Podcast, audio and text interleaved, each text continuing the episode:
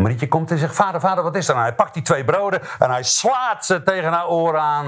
Aan weerszijden en het bloed gutst eruit haar oren en het kind valt voor dood neer. Je luistert naar Utrecht Uitkast, de podcast van Uitagenda Utrecht. Over al het moois dat Utrecht aan cultuur te bieden heeft. Wil je geen aflevering missen? Abonneer je dan. Utrecht Uitkast wordt gepresenteerd door hoofdredacteur van Uitagenda Magazine, Pem van der Veen.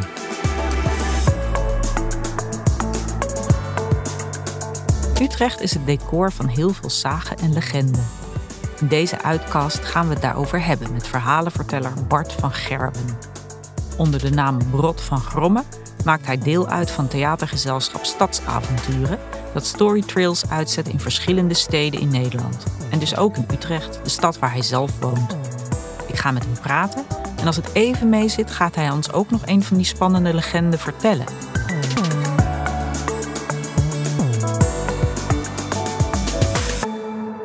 Maar allereerst, hoe wordt een mens eigenlijk verhalenverteller?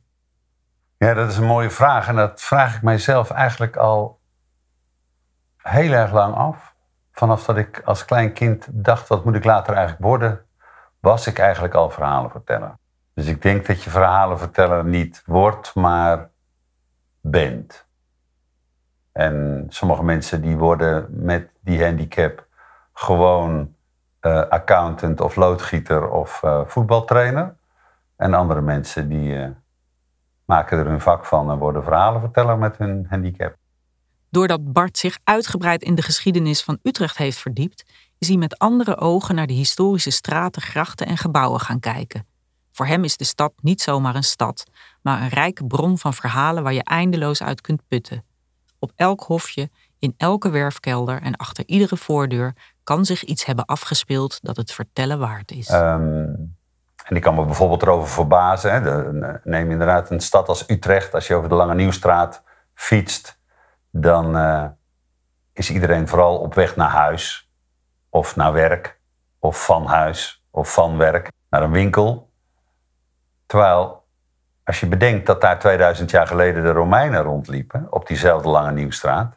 Kijk je ineens heel anders naar hoe het er daar uitziet.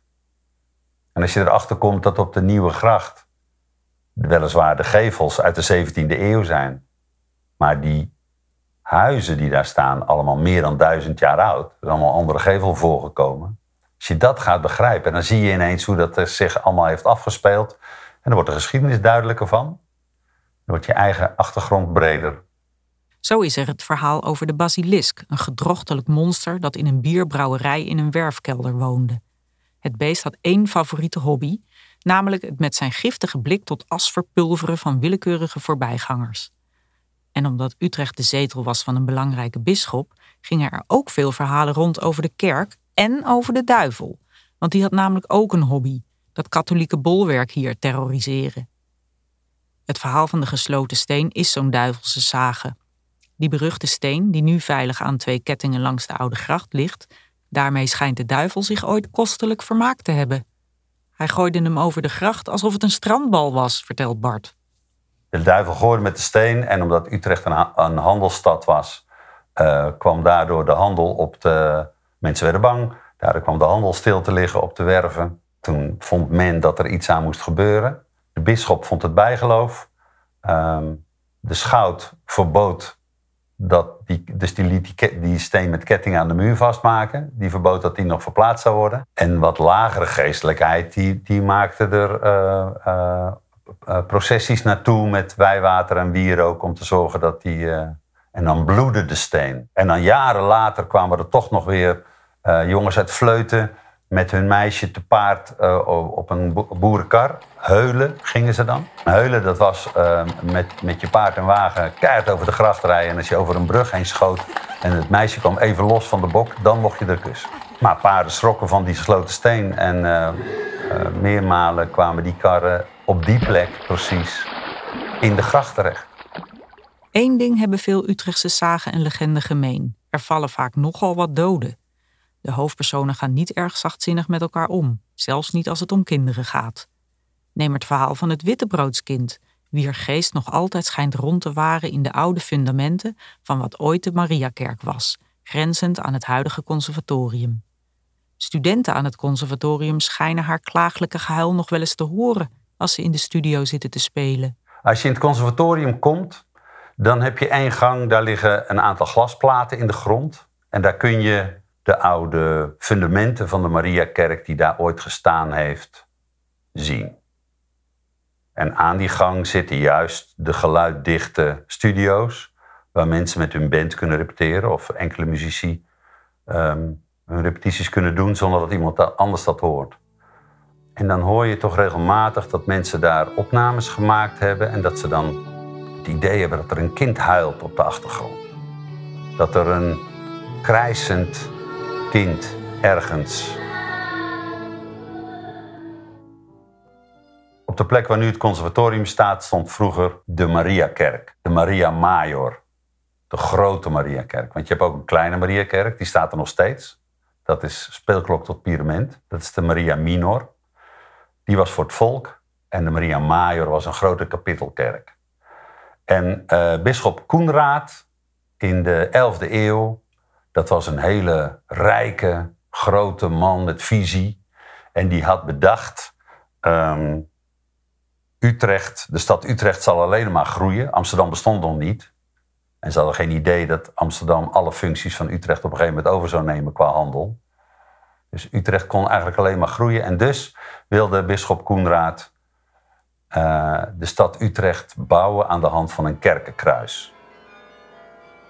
Een grote uh, Maartenskathedraal in het midden. En dan heb je de, het Janskerk, de Janskerk, de Pieterskerk. Um, je hebt de Paulusabdij in het zuiden. En er moest in het westen ook nog een kerk bij. Alleen daarvoor moest hij de Oude Gracht over. En als je van de Oude Gracht uh, die straat rechtdoor loopt, richting wat nu de Mariaplaats is, dan loop je wel een meter of drie, vier naar beneden. En dat komt omdat daar de moerassen begonnen. Dus dat was een probleem.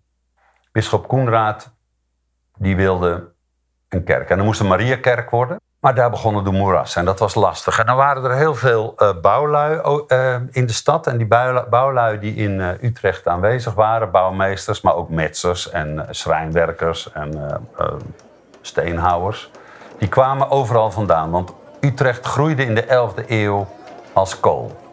Onvoorstelbaar. Um, en bisschop Koenraad die had best wel wat geld over voor die, voor die kerk. Dus daar waren een aantal mannen en die dachten van nou, dat, eh, dat gaan we doen. Dat is een goed idee. Dus die begonnen, zetten een stuk af, wilden een fundering uitzetten, begonnen een muur te metselen, kwamen de volgende dag terug en die muur was weg. In eerste instantie dachten ze zelf dat die gestolen was. Maar dat was niet zo. Die was gewoon omgevallen en in het moeras weggezakt. Toen begonnen ze opnieuw. Dat werkte niet. En nog een keer. En toen kwamen ze terug bij, uh, bij Bisschop Koenraad en zei: Ja, er is een probleem, want dat moeras, dat is, die muren vallen steeds om. Er kwam er een andere bouwmeester en die zei: Nou, dan moet je een vierkant bouwen. Want een vierkant kan niet omvallen. Nou, zo zegt, zo gedaan. Vrijdagmiddag was uh, het vierkant klaar. Maandagochtend na het weekend kwamen ze terug. Het hele vierkant weg. Dat was ook weer in het moeras gezakt. En toen dacht bisschop Koenraad, ja, het zal toch mij niet gebeuren dat ik deze fantastische stad hier leiding geef en dat ik daar niet een kerk gebouwd krijg. Dus hij schreef een prijsvraag uit. En ik zei je net al, in de stad waren veel mensen in de bouw aan het werk die van ver kwamen. Vergelijk het een beetje met de Polen nu, die komen helpen. Zo waren er uit Limburg, uit Frankrijk, uit Denemarken, uit Friesland. Overal kwamen ze vandaan. En een zekere Plebo uit Friesland, een metser, bouwmeester, die dacht: ja, maar ik weet wel hoe je daar moet bouwen. Want waar hij vandaan kwam, was ook veenweidegebied. En in het veen, veen is drassig spul, daar zakt alles in weg. Dat zijn eigenlijk moerassen. Dan moet je een gat graven tot op de waterlijn. Daar leg je koeienhuiden neer takkenbossen, koeienhuiden, takkenbossen, koeienhuiden. En daarop begin je een fundering te metselen die zo breed begint als dat die hoog moet worden. Een piramide van steen op een voet van koeienhuiden. En daar komt het water dan niet doorheen. En dan kun je bouwen. Hij wist dat wel. Maar deze plebo, deze Fries, een stijfkoppig man, die voelde zich nooit zo gezien door de Utrechters. Die Friezen, die praten raar, die deden het anders, die hokten bij elkaar in één hoek van de stad. En die hadden zo hun eigen regeltjes in hun omgang. Dus de Utrechter bemoeide zich niet met de Fries en dus voelde de Fries zich niet gezien. En dus zei Plebo, waarom zou ik dat ze gaan vertellen? Wat zit er voor mij aan? Maar het feit dat hij niet gezien werd in de stad, ondanks dat hij een van de secuurste metselaars was die er op dat moment aanwezig was, zorgde er ook voor dat hij die nijd wegdronk met jenevertjes. En daardoor soms grimmig thuis kon komen. En zijn vrouw, die met hem mee was gekomen uit Friesland, die ging hem dan goed uit de weg. Ze zorgde dat het te eten was. Maar ja, het loon was schamel, dus het eten ook. Ze hadden een zoontje of een dochter. Dat weten we niet precies. Maar dat doet er ook niet zoveel toe. Ze hadden een kind en die draaide daaromheen en die zag niet dat haar vader soms mopperig was. En toen Plebo hoorde dat de bisschop van Utrecht, bisschop Koenraad, een prijsvraag had en dat er een grote zak zilvergeld eh, beschikbaar was voor degene die hem de oplossing kon geven hoe hij die Mariakerk moest gaan bouwen, die zou die zak zilvergeld krijgen. Nou was Plebo ook plichtsgetrouw. Hij was hard aan het werk. De klus was bijna klaar. En twee dagen van tevoren dacht hij: overmorgen, overmorgen ga ik bij de bisschop langs. Dan is de klus geklaard. Dan zal ik me het cement uit de jas schuieren. Dan trek ik mijn goede goed aan. En dan ga ik het hem vertellen. En helemaal opgewekt kwam hij thuis. En zijn vrouw zag het zonnetje in zijn ogen. En die vroeg: Wat is er? En hij vertelde hoe hij het ging doen. En wat hij ging doen. En dat eindelijk hun armoe gedaan zou zijn. En dat ze nu voor het laatst uitgebakken spek en kaantjes zouden eten. Dat de pastinaken tot het einde gingen behoren. Dat ze alleen maar wild gebraad. En ook dat hij dan waarschijnlijk geld genoeg zou hebben om terug in Friesland een klein boerderijtje te kopen. En dat hij daarmee eindelijk deze stad, die hem toch niet vriendelijk gezind was, achter zich kon laten. De vrouw van Plebo was zo opgewekt dat toen vader de volgende dag naar het werk was, zij haar kind, haar zoontje of misschien wel haar dochter, naar de bakker stuurde en zei: Ga jij eens, voor als papa vandaag thuis komt, een witte brood halen. En nu zijn witte broden in de middeleeuwen andere dingen dan tegenwoordig. Want een witte brood was in de middeleeuwen gitzwart, keihard gebakken, de buitenkant was verbrand.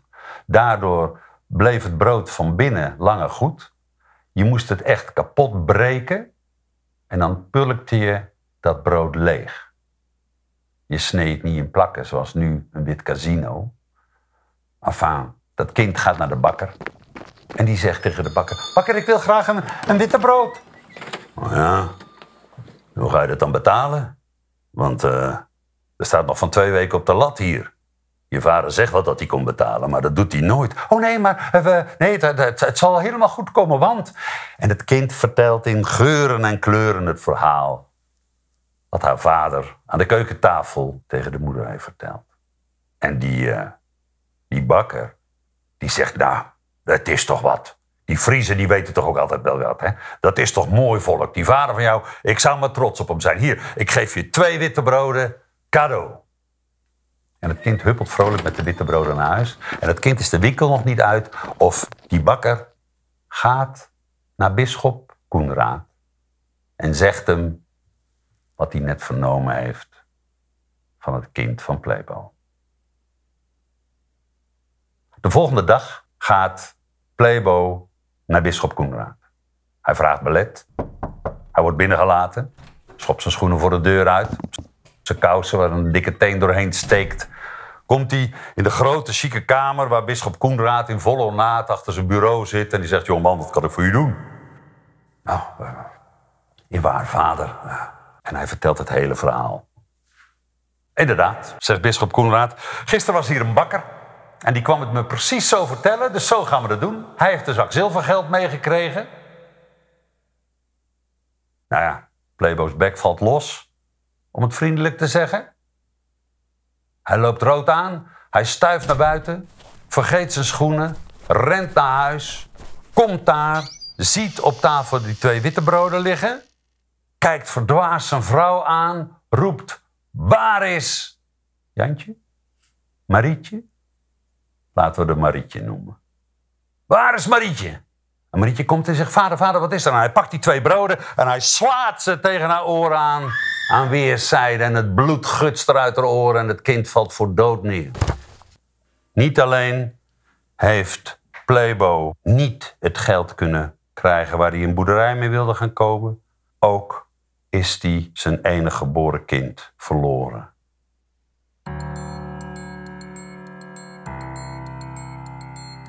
En zo eindigt het noodlottige verhaal van het wittebroodskind. Een verhaal waarvan eeuwen later nog sporen in de stad te vinden zijn. Omdat de bewuste bakker zich schuldig voelde over zijn verraad, doopte hij zijn winkel om tot de Wittebroodskindbakker. Een naam die je nog steeds kunt vinden op de gevelsteen bij Oude Gracht 276. En in een lantaarnconsole aan de werf onder de lichte gaard is een scène uit het verhaal gebeeldhouwd. Maar als je het arme wittebroodskind wilt horen, moet je naar de Pandhof Sinte Marie, naast het conservatorium waar ooit de Mariakerk stond. En waar het kleine meisje nog altijd schijnt te zuchten en weeklagen in de krochten van het oude fundament.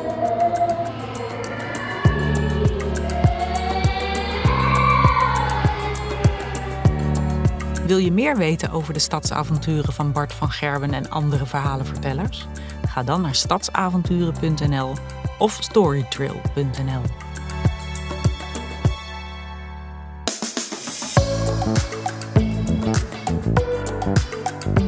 Ondertussen in de stad.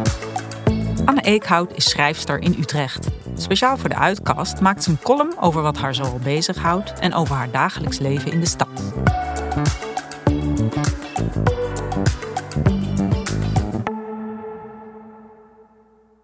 Breinsoep. Je zit op een paard, maar dan verkeerd om. De mensen, hoog boven je op een tribune, schreeuwen boze leuzen. Je haar is schrikbarend lang en heeft een eigen leven, zoals het haar van Medusa een eigen leven leidt wanneer het in slangen is veranderd. Je weet dat je kind ergens in moeilijkheden is, maar je kan nu niet naar haar toe, want je moet paardrijden. Dat heb je beloofd. Waarschijnlijk aan hem, de slodderige meneer met overal grijs haar, die helemaal vooraan de menigte staat en je toejuicht als enige. Hij heeft al zijn hoop op jou gevestigd.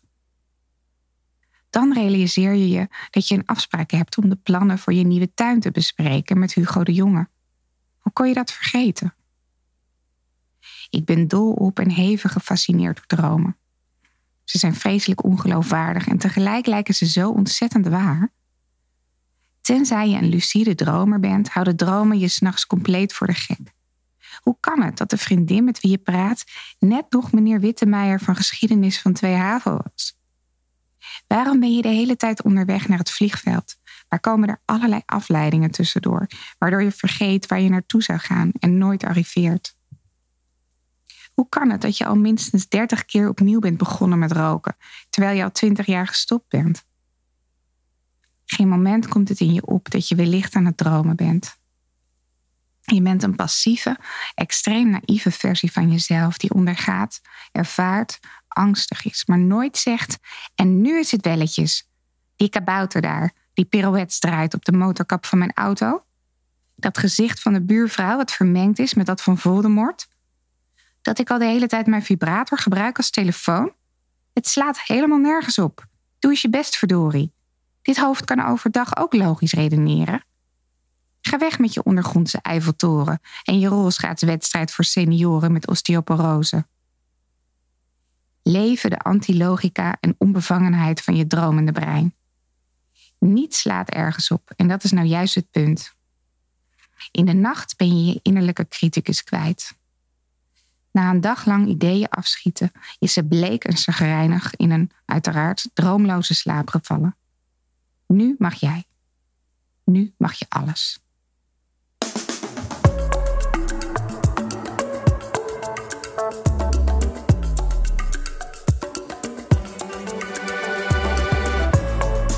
Dit was Utrecht Uitcast. De podcast van Uitagenda Utrecht. Samenstelling en presentatie Pem van der Veen. Muziek en techniek Matthijs Duringhof. Voor meer cultuurnieuws kijk op uitagendautrecht.nl. Heb je een vraag of reactie? Mail naar redactie.uitagendautrecht.nl. Volg ons op Facebook en Instagram en geef ons sterren of een recensie in je favoriete podcast-app. Bedankt voor het luisteren. Tot over twee weken.